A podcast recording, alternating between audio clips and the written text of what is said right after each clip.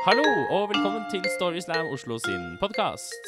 Jeg heter Audun Lunga. Jeg sitter i et studio sammen med min homie Karoline Marie Enoksen, Ja, som jeg nesten klarer å uttale navnet på. ja nesten. Eh, vi skal høre noen fortellinger som ble fortalt på Storyslam Oslo sitt live arrangement på Kulturhuset i Oslo eh, den 29. august. Mandag 29. august. Det skal vi. Første forteller, hvem var det? Det var jo Storyslam sin egen Nina Therese Haaland. Ja.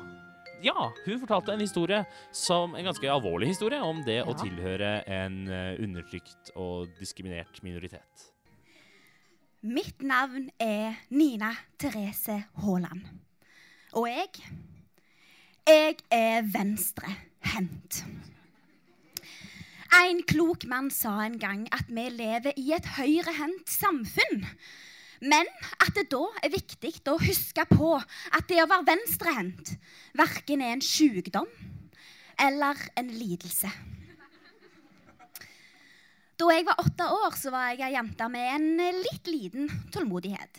Men jeg hadde lært at man ikke skulle gjøre det største nummeret ut av seg sjøl. Og på skolen jeg gikk, der hadde vi akkurat lært hvordan man skulle mestre en symaskin. Og den fungerer på denne måten at du fører inn stoffet med begge hendene. Og så trykker du på pedalen for å få gass. Og så vrir du med din høyre hånd hvis du vil ha sikksakk-mønster eller vanlig beintmønster. Dagen den kom, og vi skulle sy vår aller første pute.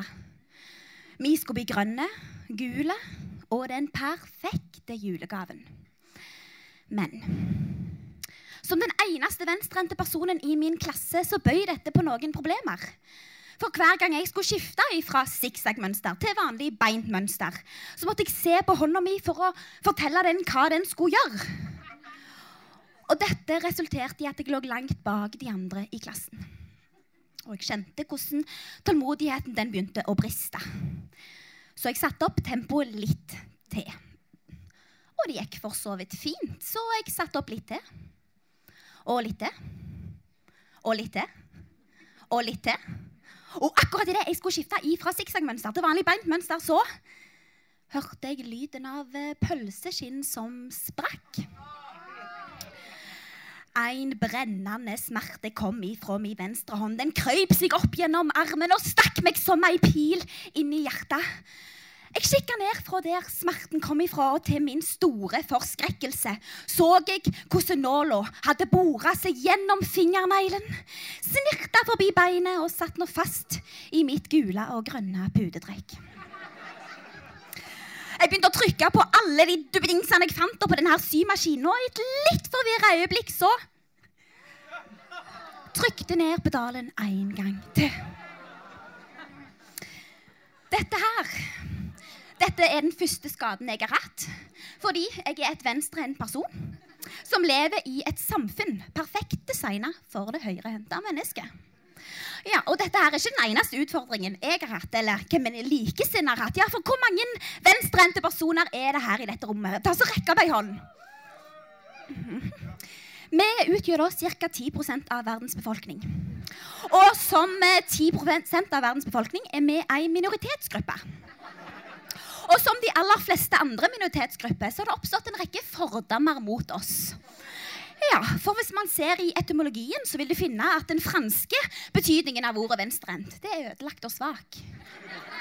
Og den engelske betydningen det er klønete og krøpling. Og fordi vi lever i et samfunn som er så bra designa for de høyrehendte, så vil vi dø gjennomsnittlig ti år før våre høyrehendte venner. I arbeidsulykker eller generelle utfordringer i samfunnet. For bare tenk litt på hvordan det egentlig er med håndhilse. Det å rekke fram sin venstre hånd det bør sett på som respektløst i de aller fleste kulturer. Eller på alle offentlige toalett så er der sanitetsbeholdere eller papir plassert på høyre side av veggen. Og hver gang du skal ta deg et lite tork, så må du vri rumpa di godt ned i toalettsetet. Og du utsetter deg sjøl for flere anale og vaginale sykdommer. Og ikke nok med dette. Nå har vi jo i dag i Norge høyreregjering, altså. Hvor skal dette ende?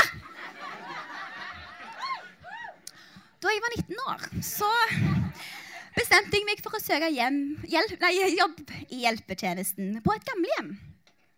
Og første dagen da fikk jeg beskjed om at jeg skulle gå inn og ta mitt første selv hos pasienten på rom nummer tre. Fordi han var en person som ikke trengte så mye hjelp. Så jeg gikk inn på rommet hans og ble møtt av to vennlige øyne. Han var klar for å møte dagen. Så vi gikk inn på toalettet og stelte han. Jeg tok han igjen i hendene og tok han bort til døra. Og jeg sa han skulle stå og støtt her mens jeg gikk og henta rullestolen. Men idet jeg snudde meg, så kjente jeg ei kald hånd som tok to tak i min høyre hånd. Så jeg snudde meg tilbake for å se, og så at han hadde mista balansen han sto og sveia fra side til side. Så jeg prøvde å støtte han opp med kroppen min, men dette var for seint. Han hadde fått panikk og var på vei nedover. Og jeg lurte fælt på hva jeg skulle gjøre nå. Men så slo det meg. Venstrehånda mi, den var fri. Venstrehånda mi kunne redde dagen. Den kunne bli dagens helt. Så jeg strakte meg opp så lang jeg var. Men så innså jeg i at alle alarmklapper de er plassert på høyre side av døra. Så jeg kunne ikke annet enn å bli med ned på gulvet. Halvveis ned hører jeg igjen lyden av pølseskinn som sprekker. Men denne gangen er det ikke fingeren. Det er buksa som har spjæra i fire i skrittet. Sykepleierne kommer strømmende på, for de har hørt en gammel mann sitt rop om hjelp. Og synet som møter de, det er ei ung jente liggende på gulvet med en gammel mann over seg. Jeg følte meg som den franske og den engelske betydningen av ordet venstrehendt. Klønete, svak, ødelagt og krøpling. Men så slo det meg. Kanskje samfunnet er såpass bra designa for de høyrehendte, fordi de vet at de venstrehendte alltid vil kunne klare seg. Altså, Hvis det hadde vært omvendt, så ville kanskje de høyrehendte ha dødd 50 år før de venstrehendte. At disse fordommene baserer seg egentlig på grunn av frykt. Ja. For hvis vi tar et lite tilbakeblikk i historien på de aller største menneskene Michelangelo, Marie Curie, George Bush Ja, vi har jo alle våre svin på skogen. Men selveste Albert Einstein. Dette er store, mektige, kreative mennesker som alle sammen har vært venstrehendt. Og så har du meg.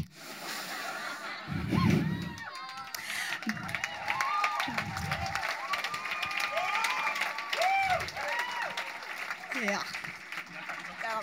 Kan du hente det stativet?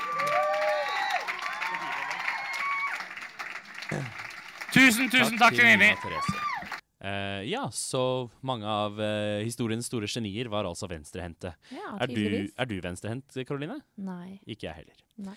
Neste forteller er Tine Skjold. Hva fortalte hun om, Karoline? Jo, Tine Skjold hun fortalte oss jo om en eh, avhengighet som gikk litt over stokk og stein. Ja, riktig. Og som endte med et møte med lovens lange arm. Ja. Jeg spurter ned trappene mot hovedinngangen, ut i den folketomme gata. Der blir jeg stående i en rosa flanellpysj med buksa godt trukket opp i livet. Jeg begynner å lete febrilsk etter mobiltelefonen min som befinner seg et eller annet sted i den altfor store, sorte dunjakka mi. Jeg leter, leter, leter, finner den, ringer. Ring, ring, ring. Hallo? Hei! Jeg skriker det. Det har skjedd noe forferdelig! Jeg har gjort tre ulovlige ting i mitt liv. Noen vil kanskje si at det er tre for mye. Eh, men jeg er jo litt av en rebell, så det Så sånn er det.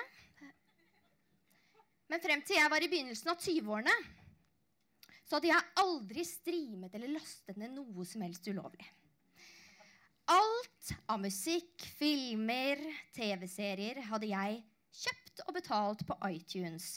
For jeg, Jeg var nemlig av den oppfatningen av at hvis en kunstner har skapt noe, ja, uansett hvor ræva det er, så skal man få betalt for det. Så jeg har ganske mange dårlige filmer da, på datamaskinen min. Men så blir man student, og den bufferkontoen som skulle vare i seks år, ja, den varer jo i akkurat seks dager. Så når jeg hadde sett alle de ni sesongene av One Tree Hill for femte gangen på rad, ja, da begynte til og med jeg å tenke at jeg kanskje skulle streame en eller annen nettserie ulovlig en eller annen gang. Men dette var på et tidspunkt hvor det ble skrevet veldig mye i avisene om at hvis du streamet eller lastet ned, noe ulovlig, ja, da kunne du få en veldig stor bot, eller politiet kunne dukke opp på døra di og kaste deg i fengsel. Min store frykt her i livet, det er å havne i fengsel. Så derfor så måtte jeg rådføre meg med mine venner, som selvfølgelig sa Tine, slapp av. Jeg har strima siden jeg ble født. Det er ikke noe stress. Politiet har nok å gjøre. De kommer ikke på døra di og kaster deg i fengsel fordi du streamer i en eller annen ulovlig, dårlig nettserie. Så en stormfull aften tenkte jeg filler'n heller. I'll do it. Jeg gjør det. Så jeg poppa meg popkorn, jeg tok på meg den rosa flanellpysjen min, og jeg benka meg foran datamaskinen min og tastet inn www.ulovlignettstreamingstjeneste.com og ventet. Og dere, det som åpnet seg foran meg der, det var jo ikke bare én nettserie. Altså, Det var jo tusenvis av nettserier. Jeg var kommet til himmelriket. Altså, TV-serienes paradis var jeg kommet til. Og det beste av alt, for en som liker litt orden og kontroll, det var i alfabetisk rekkefølge. Så jeg begynte å streame meg fra A og nedover til Z. Altså, Jeg så så mange TV-serier, dere. Jeg sykmeldte meg fra jobben. Jeg kuttet kontakt med vennene mine. Men vet dere hva? Det gjorde ingenting. Fordi livet mitt, det var komplett. En måned senere jeg hadde sett Modern Family. Jeg hadde sett alle sesongene av Toppsjef Australia. Alle sesongene av Top Model, CSA, you name it. Altså, jeg hadde sett det. Og jeg benket meg ned denne stormfulle aften, for det var igjen en stormfull aften for å se sesongavslutningen på den 351. Eh, episoden, eller sesongen, av Survivor. Amerikanske utgaven av Robinson-ekspedisjonen. Og jeg hadde gleda meg. I en hel uke hadde jeg gleda meg. Jeg trykket på play. Jeg så nesten helt til slutten, før deltakeren skulle vise den avgjørende stemmen sin. Og vi skulle få avslørt vinneren. Og der bare Der endrer skjermen seg totalt. Og det er ikke lenger Robinson-ekspedisjonen jeg sitter og ser på. Nei. Foran meg er det plutselig en logo. En velkjent logo. Politiets logo. Der. Og jeg tenker bare Nå havner jeg i fengsel. Men det er ikke noe det er ikke noe ulovlig nettstreamingstjeneste jeg er anmeldt for her. Under politiets logo så står det en haug med paragrafer. Men la oss bare si de er litt mer alvorlige. Politiet anklager meg for å ha vært inne på barneporno. Og jeg som skulle bli pedagog. Jeg ser livet mitt falle i grus, men nederst i høyre hjørne så øyner jeg et lite håp. For der står det nemlig at jeg for kroner 1500 kan kjøpe meg ut av situasjonen. Så det er jo derfor jeg er på vei ut. Spurter ned trappa ut hovedinngangen. Men jeg stanser jo opp, fordi jeg kommer jo på det. Jeg må jo ringe mamma. Så jeg ringer min mor, og hun syns dette høres litt pussig ut. Ja, det er noe som skurrer her, så Tine, vet du hva, jeg ville ringe til politiet, jeg. Ja.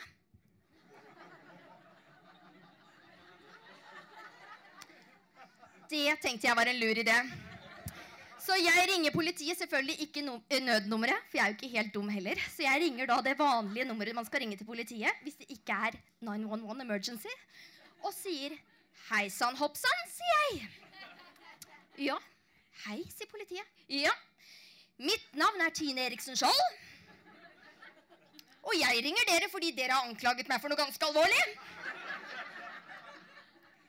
Ja vel, sier politiet. Ja, dere har anklaget meg for å være i besittelse av barneporno. Og ja, jeg innrømmer at jeg har vært inne og streamet ulovlige nettserier. Men noe barneporno, det vil jeg ha meg frabedt. For jeg skal bli dramapedagog! Politiet blir helt stille, og jeg tenker nå Nå banker de på døra mi om tre minutter. Men så sier han plutselig, du Tine, altså jeg tror bare du har blitt utsatt for et lite virus. Ha det! Og det var siste gangen jeg streamet eller lastet ned noe som helst ulovlig.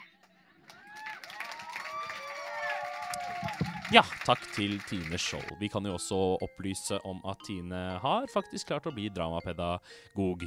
Ja. Um, Og lektor. og lektor. Ja. Ja, Så det går veldig bra med Tine i dag. riktig. På tross av hennes uh, vanskelige opplevelser. Ja. Uansett, når er neste Storyslam, Karoline? Neste Storyslam det er på mandag den 17. oktober. Det er jo ikke så lenge til. Nei, det er ikke lenge til i det hele tatt. Det er bare noen uker. Ja, kanskje. Eh, Klokken åtte, sant? ja klokken åtte. På Kulturhuset i Oslo. Yes. Ehm, hvis man har lyst til å delta, så må man ta kontakt med oss på Facebook, ikke sant? Ja. Eller via e-post. Ja. Man kan sende oss en melding på Facebook, Mm. eller så kan man finne uh, e-post Eller så kan man eh, sende en e-post til Storyslamoslo at gmail.com. Da får man svar. Så kan, vi, så kan man bli med og fortelle litt selv. Ja. Og så er det jo sånn at vi skal minne om vårt store supershow i november. 28. Ja. november. Grand Slam på Rockefeller. Store Slam, som jeg igjen insisterer på å kalle det. OK. Yes, eh, Hvor eh, ja, tidligere vinnere av Storyslam skal delta og konkurrere om å være best av de beste. Yes. Og- Og der er det bare å sikre seg billetter, Ja, fordi det salget går unna. det lønner seg nok å logge seg inn og kjøpe billetter så fort som mulig. Ja. Yes. Ta med mor og far og bestemor og bestefar og svigerfar. Naboen. Tinder-daten. Hva sa du? Naboen eller Tinder-daten. Tinder ja. Eller Eh, Eller begge. Ja. Kombiner de to. Ja. Dobbel Tinder nabodate. OK, greit. Nok babbel. Um, følg oss på Ja. Facebook. Ja, det syns jeg. Følg oss på Instagram. Ja. Følg oss på gata. Hvis du finner oss på Twitter, så er det en falsk konto, men følg den også. ja, det kan du. Eh, følg oss på gata, som du sier. Ja. Ja. Følg vårt eksempel som medborgere i samfunnet. Oi, wow. Ja, også det. Eller så kan du jo følge denne podkasten, som kommer ut med ujevne mellomrom. Det går også an. Ja. Takk for nå. Takk for nå.